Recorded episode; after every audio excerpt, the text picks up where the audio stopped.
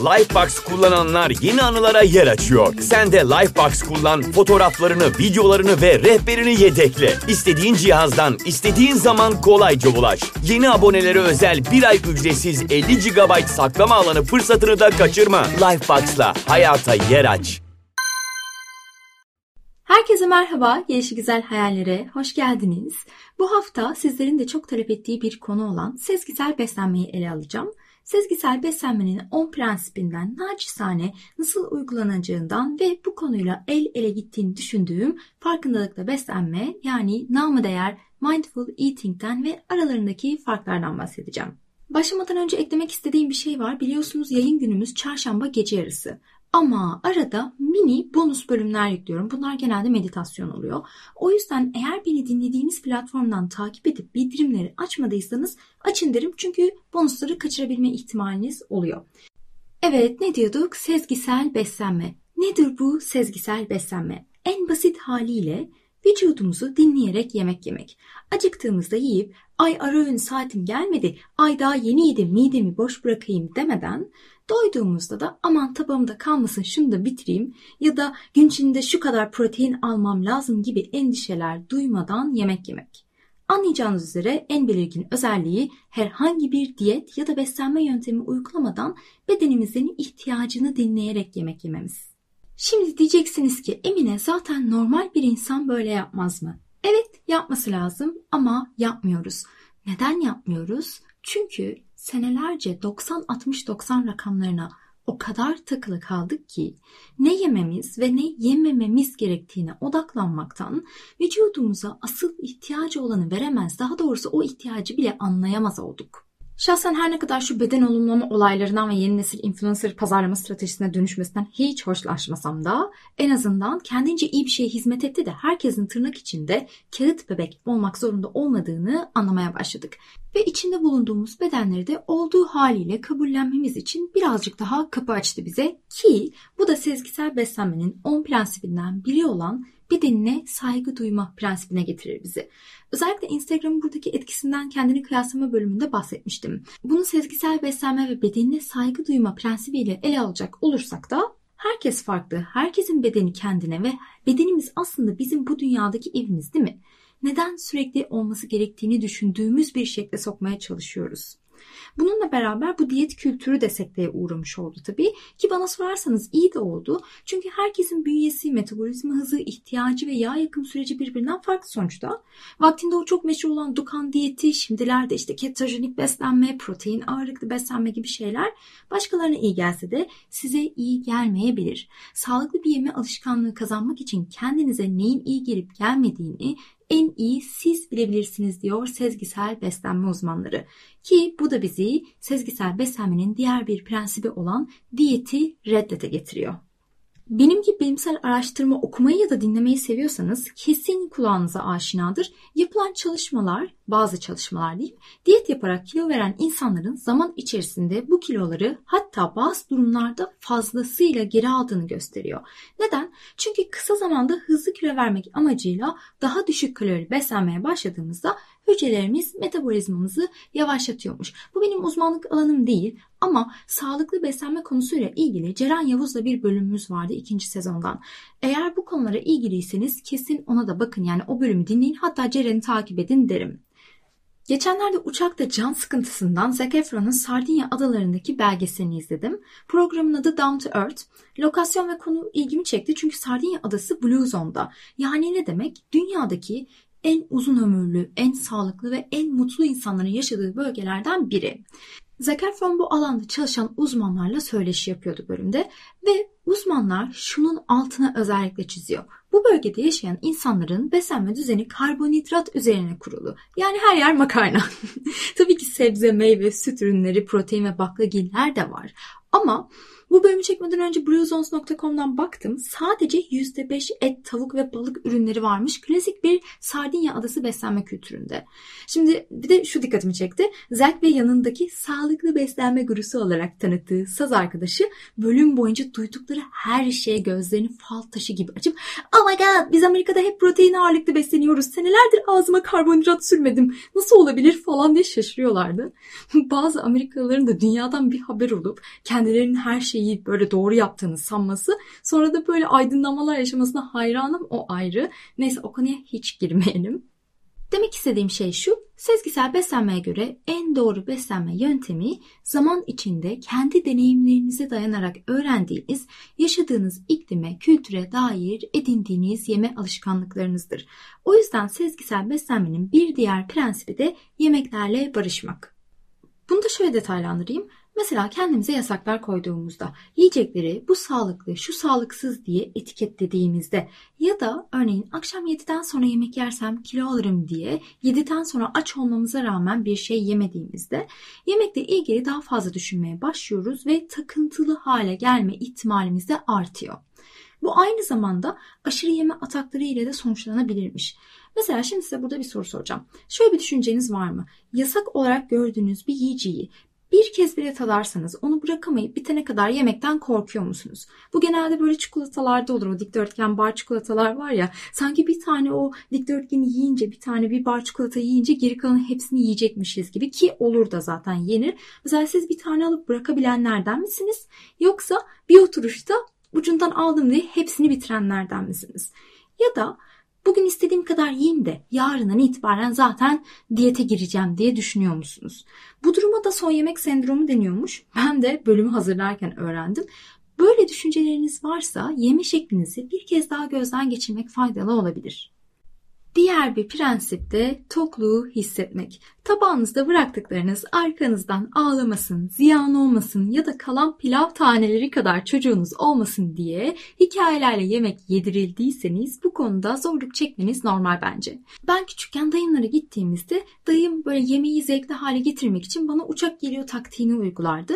Hiç unutmuyorum her doydum dediğimde ama annesiyle babası diğer uçakta kaldı yazık ayrı kalacaklar. Yok anneannesi kaldı yok dedesi yok ebesi derken küçücük mideme iki koca tabak yemek girerdi. Tamam ben de iştahlı bir çocuktum zaten hiçbir zaman yemek falan seçmedim ya da yemem demedim ama doydum dediğimde karnıma dokunup yok burada hala boşluk var doymamışsın sen anlamadın doymadığını deyip bana daha çok yediriyordu. Yanlış anlaşılmasın suçladığımdan falan değil dayım çok severim bu arada.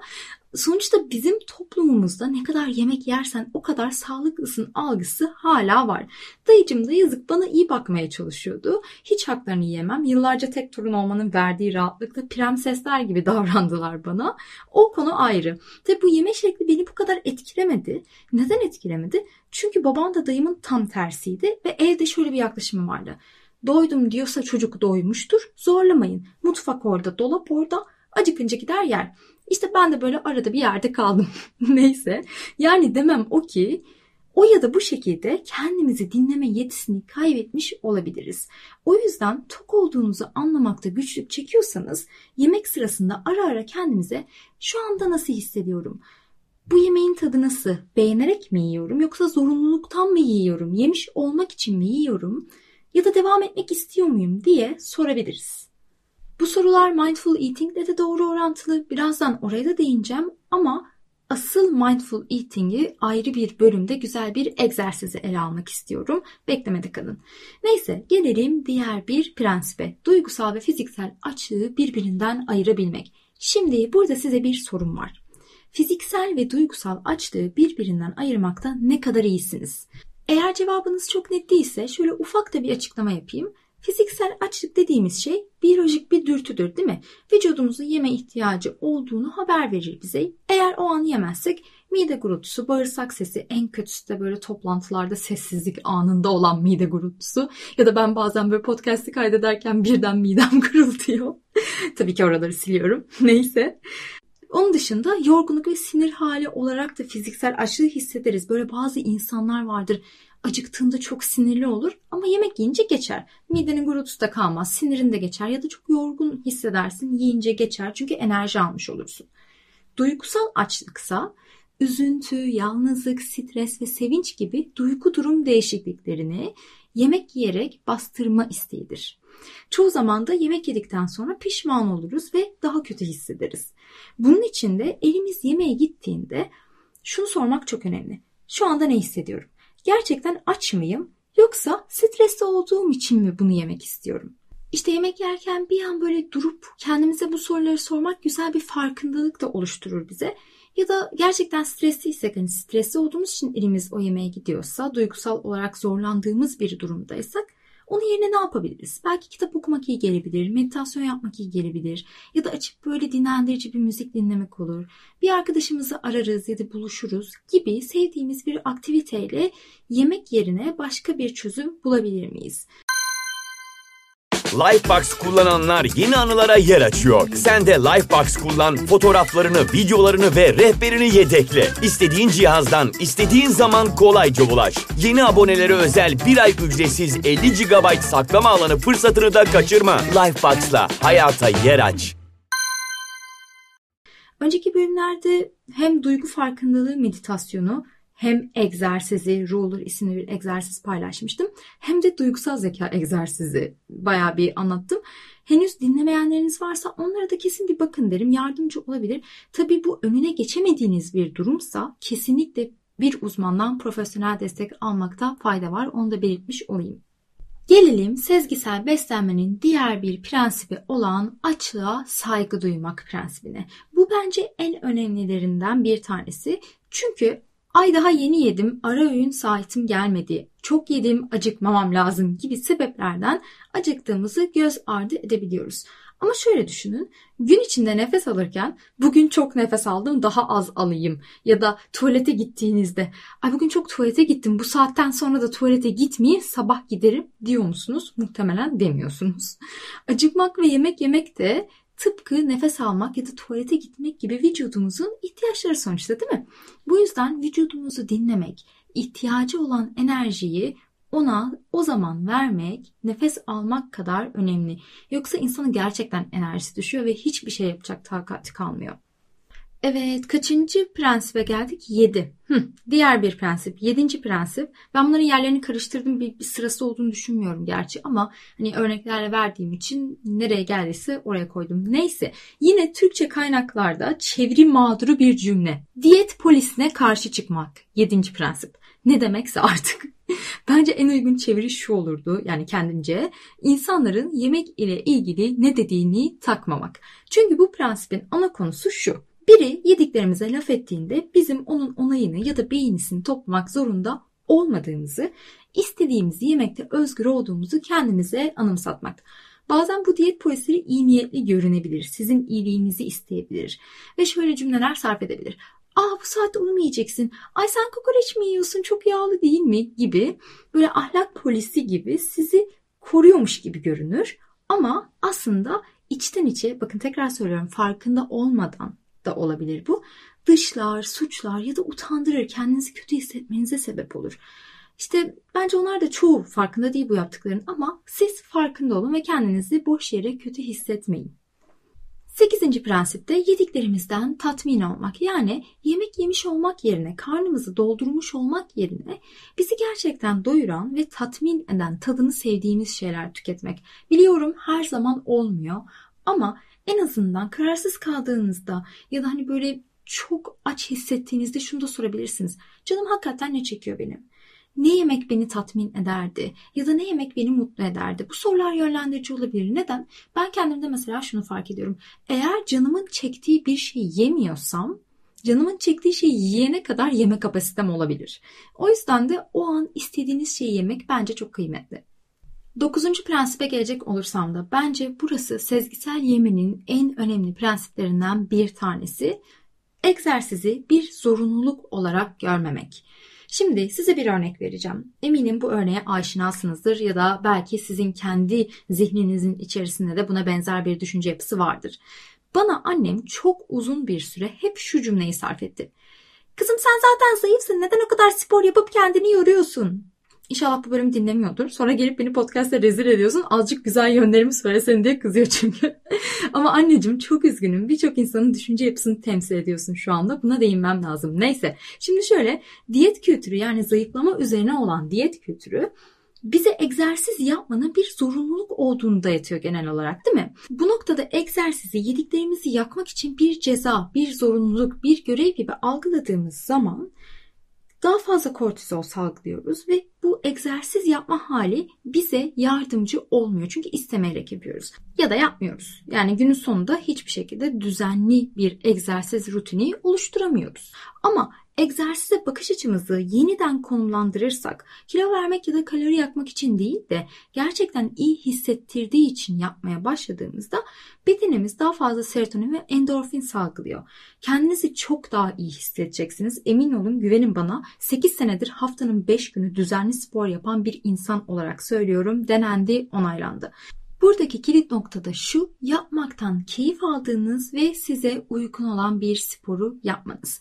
Yani koşmaktan ya da ağırlık çalışmaktan keyif almıyorsanız bunları yapmak zorunda değilsiniz. Kendinizi zorlamak zorunda da değilsiniz. Size uygun olan, size gerçekten keyif veren, iyi hissettiren neyse pilates olur, yoga olur, yürüyüş olur, yüzme olur, işte barre diye bir şey var o olur her şey olur çünkü farklı farklı egzersiz ya da hareket etme şekilleri var değil mi?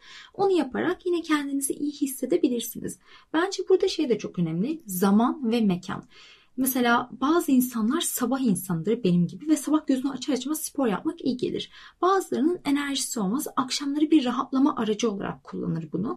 Bu zamanı kendinize göre belirlemeniz, yine vücudunuzu dinlemeniz, kendinizi dinlemeniz çok önemli. Bir de mekan. Ben mesela şeyi hiç sevmiyorum. Spor salonuna gitme halini. Yani spor salonunda o adamlar böyle çalıştıkları bir oh diye sesler falan çıkartıyorlar. Gerçekten beni çok uyuz oluyorum ve gittiğimde de resmen bir duvara bakıyorum. Sırtımı insanlara dönüyorum. Hepinizden tiksiniyorum modunda. O yüzden artık ben hiç spor salonuna gitmiyorum. Ya evde sporumu yapıyorum ya şirketin spor salonunda çok az kişi oluyor ve özellikle boş olduğu zamanları tercih ediyorum. Ya da böyle çok sıkılırsam minik butik grup dersleri oluyor. Onları yapıyorum. Bu İngiltere'deki, Amerika'daki, Avustralya'daki ve İrlanda'daki dinleyicilerim için söyleyeyim. En sevdiğim de F45. Neyse devam edelim. Sezgisel beslenmenin son prensibi kendine iyi davranmak. Ne demek istiyorum? Mesela bir yere gittiniz, yemek sipariş ettiniz. Canınız deli gibi hamburger istiyor. Ama siz her zamanki gibi diyettesiniz ve bir salata söylemek zorundasınız. Keçi peynirli salata. Ama onu yiyeceksiniz ve mutsuz olacaksınız. E onu yapmak yerine gerçekten sizi mutlu edecek bir şey yemek. Yani yediğiniz tek bir hamburgerle zaten sağlıksız olmazsınız. Yediğiniz tek bir salatayla ki muhtemelen mutsuz olarak yediğiniz için sonra başka bir şeye saldıracaksınız. Yine sağlıklı olmazsınız. Tabi bu tıbbi olarak zorunlu durumlar olmadıkça. Bunu da altın çizmiş olayım. Neyse bu noktada bedenimiz bize zaten o an hem fiziksel hem de mental olarak ona iyi gelecek şeyleri söylüyor. Bize düşen de bu mesajı dinlemek, duyabilmek ve uygulayabilmek. Yiyecekler hakkındaki kötü, yasak gibi fikirlerimizi ortadan kaldırdığımızda ve kendimize koşulsuz izin verdiğimizde zaten bedenimiz için en gerekli ve doğru seçimleri yaptığınızı görebilirsiniz diyor uzmanlar. Şimdi gelelim farkındalıkla beslenme kısmına yani mindful eating. Burayı kısa tutacağım. Hiçbir yere gitmeyin çünkü ufak bir duyurum var bölümün sonunda. Farkındalıklı yeme dediğimiz şey aslında şu dikkatli yemek yemek. Yemek yerken nasıl hissettiğimize odaklanmak ve beş duyumuzu kullanarak yemek yemek. Sezgisel beslenme ile arasındaki fark da ne? İkisi de aslında çok benzer şeyler ama iki farklı yöntem. Her ikisi de ne ve nasıl yediğimize daha fazla dikkat etmeye gerektirse de sezgisel yeme daha çok sağlıksız eğilimleri ve moda diyetleri bir yanıt. Farkındalıkla beslenme ise daha genel dikkatliliğe, yerken dediğim gibi beş duyumuzu kullanmaya, yediklerimizden zevk almaya olanak sağlayan bir durum.